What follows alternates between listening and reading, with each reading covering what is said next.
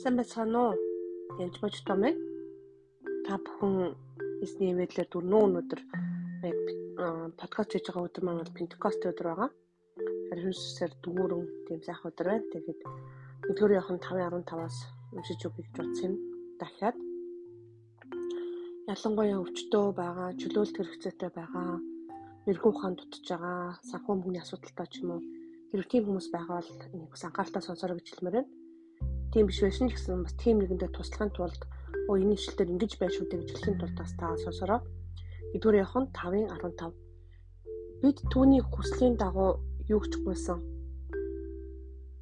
Тэгэхээр эхний одоо энэ подкастыг анхудаа сонсож байгаа бол та өмнөх подкастуудыг сонсороо. Үнэхээр итгэл чөлөөлт эзний хүсэл мөн үгүй юу? Тэр эзний хүсэл үнэхээр мөн байгаа. Есүс юунд дуудагдаж ирсэн бэ гэдгийг мэдэх явдал бол маш чухал байгаа Есүс юунд дуудагдсныг мэдхэд түүний өөрөө өөрийгөө гэрчилсэн ишлийг уншихад бол хангалттай байгаа. А та бүхэн Исая намны 61-р ишлэгийг уншиж болно. За би хамтдаа бас уншия. Эзэн бурхны сүнс миний дээр байна. Учир нь эзэн намайг зовгостод сайн мэдээг дэлгэрүүлэхийн тулд томилсон юм. Тэр намайг шаналсан зүрхтэй хүмүүсийг эдгийн олсгоцсод эргчлөөг тунхалж хүлээстэй хүмүүсийг чөлөөлөхийн тулд бичлж байгаа. Тэгэхээр тэр сайн мэдээ түгээдэг, зовготод сайн мэдээ түгээдэг, шаналсан зүгтэй хүмүүсийг эдгээдэг, олсгосод эргчлөөг тунхалдаг, хүлээстэй хүмүүсийг чөлөөлөхийн тулд энэ бүхнийг эзэн яасан байна. Томилсон бас яасан байна. Тосолсон байх нь л те. Тийм бохоо тийм болохоор таны идэвхжлөлтөй холбоотой энэ энэ Иесусийн хүсэл ч юм уу бүхний хүсэл мөн үү биш үү гэж асуух шаардлага байхгүй. Үнэхээр мөн. Тэгээ та түүний хүслийн дагуу гуйж гинэ гэсэн үг. Тэр биднийг сонсдог гэдэг нь түүний өмнө бидэнд байгаа итгэл зориг юм гэж. Тэгэхээр үнэхээр бурхан магадгүй 7 төр өмнө тусалж байгаа чамайг сонсохгүй битгий гоншгоно гэж зарим хүн хэлж магадгүй. Тийм биш. Таны бурхан сонсдог, таны зовлонг шаналтай хамт уйлдаг байгаа. Тийм учраас таны хэцүү зовж явах үед үнэхээр хажуучин байдаг. Гэхдээ тусалчихгүй яагаад байгаа гэж хэлж магадгүй. Эзэн бидний хүслийг үнэхээр сонсдог байгаа. Тэр хамт үлдэхээс үлдэж итгэлээр үлдэхээс нааш энэ бүхэн болтгүй гэдгийг сайн ойлгох хэрэгтэй. Бурханд хууль байдаг, таталцлын хууль байдагтай адилхан таталцал түлхэлцэл өвчнөө олон хууль байдагтай адилхан бас идэвхжүүлэлтийн хууль бас байдаг. Ерөөсөө тэр хуулийн даваа явах хэрэгтэй. Түүний үгээр алхах хэрэгтэй гэсэн. Тэгээ тэр биднийг сонсдог гэдэг нь түүнийг өмнө бидэнд байгаа итгэл зориг юм. Бид юу ч гуйсан тэр биднийг сонсно гэдгийг бид мэдвэл Тэгээ юу ч гуйсан сонсно гэж байхгүй. Би түүнээс гуйснаа авсан болохоо мэднэ гэж. Тэр гуйснаа авсан болохоо мэднэ гэдэг бол маш чухал зүйл аа. Жишээлбэл би нэг бичвэр амтан дээр бас хүмүүс эхэлдэг. Ингээ заримдаа би яг үнэхээр тухайн бичвэрүүдийг барьсан байгааг хардаг. Яг тэрийг гартаа одоо сүнс дотроо барьчлаа гэсэн үг шүү. Магадгүй тэр нь одоо таны махан бие дээр ч юм уу шуудангаар яг хурж ирээгүй байсан ч гэсэн та байгаа гэхдээ итгээд тэрнтэй адилхан үйлдэлүүд гаргаж эхэлнэ гэсэн үг. Тэгэхээр тэр бол их чухал байгаа. А яг заримдаа залбирч хууж байгааг яг авсан гэдгийг дээ. Би ч бол ажил ууж ч юм уу эсвэл одоо яг нэг тухайн зүйлийг асуугаад гунаас бурхнаас гуйж идэг л да. Хүмүүстэй залбирдаг байгаа. Яг авсан гэдгээ мэдэх үед би талархаж залбирч эхэлдэг байгаа. А яг одоо эдгэж өгөөч гэж залбирхаа ч юм уу эсвэл нэг надад өгөөч гэж юусоо залбирхаа болчдөг. Яг бол би сүнсэндээ шууд ядглаа авсан гэдгийг мэддэг байгаа. Өдөрийнх нь 515 За цааш нь Яков 1:5-6.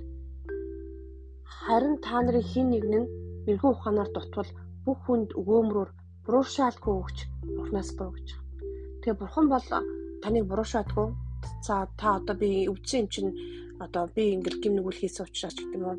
Би одоо хүн алсан хүн хүн хүн хүчнэсэн хүн өчнөө олон хүмүүсээ залбирж яхад тэр хүмүүсийг эдгэж чөлөөлдөг. Эзэн бол заримдаа бүр амар сайн хүнийг залбирд идэрэхгүй байхад нөгөө хүмүүс нь маш хурдан идгэрч идэг. Би бүр гайхаад ямар сони юм бэ гэж заримдаа боддог байгаа. А тэгэхээр бурхан ямар ч хүнийг ялгуулдаггүй буруушаадгүй одоо би нүгэлтэй ч юм уу нүгэлтэй болохоор идэхгүй юм ч гэдэг юм тэгж бодож бол ерөөсөө болохгүй. А ер нь бол тэгж ерөөсөө бодож болохгүй.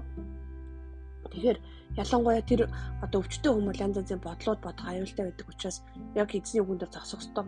Бурхан буруушаадгүйгээд буруушаалт орж ирэх юм бол буруушаалгүй өгдөг бурхан буруушаахгүй намайг буруушаахгүй буруудахгүй бурхан буруудагч нэг гэж зайл гэж хөөхстэй байгаа. Тэгэхээр буруушаалгүй өгч бурхнаас гуйг. Тэгээд түүнд өгөгдөх болно гэж. Тэгэхээр гуйх үед яхан түнд өгөгдөх болно. Тэгэхээр одоо энэ хичээлийг бол одоо яг янз янзын хүмүүс заагаал янз янз аргаар заадаг л та. Одоо зарим теологийн хувьд одоо буруу ч юм уу гэж хэлдэг хүмүүс байна. Теологийн хувьд ч одоо итгэвч хүчтэй ч чөлөөт чамд хэрэггүй штэ гэж хэлдэг хүн байна л да. Одоо одоо юу гэх юм ариун сүнс өөр нэг бозор сүнстэй хамт орших хамарч боломжгүй шүү дээ гэж хэлж байгаа. Энэ дэлхий дээр ариун сүнс оршдог. Дэлхий дээр үнэхээр гим нүгэлтэй хүмүүс харанхуй сүнсүүд уусаа ноёрхож л байдаг байгаа. Аа үнэхээр би бол бодохдоо энэ хөр Иесус л буруу сүнс байхгүйсэн бусдад нь бол ямар нэгэн байдлаар бид нар энэ дэлхийн амьдрал амь амьдрал болохоор хүн муулдаг л бол хүн одоо атаархдаг л бол ямар нэгэн хэрэг хийсэн л бол буруу сүнсэнд дүү таалах нэг тийм боломжуудыг гаргаж өгдөг байгаа. Зүрхэндээ ямар ч ер нь ямар ч гэм нүгэлгүй хүн гэж бол байхгүй тэгжлэр та хутлаа гэж хэлдэг. Тийм болохоор нүгэлүүлдэгч хүн болгонд л ямар нэгэн тийм харанхуй бас сүдэр байдаг. А ганцхан харанхуй сүдэргүй хүн бол би Иесус гэдэгт бүрэн итгэдэг. Тийм болохоор бид нар тэр Үнэхээр Есүс бид нар бидний гин нүглийг төлөөс болж чадсан байгаа.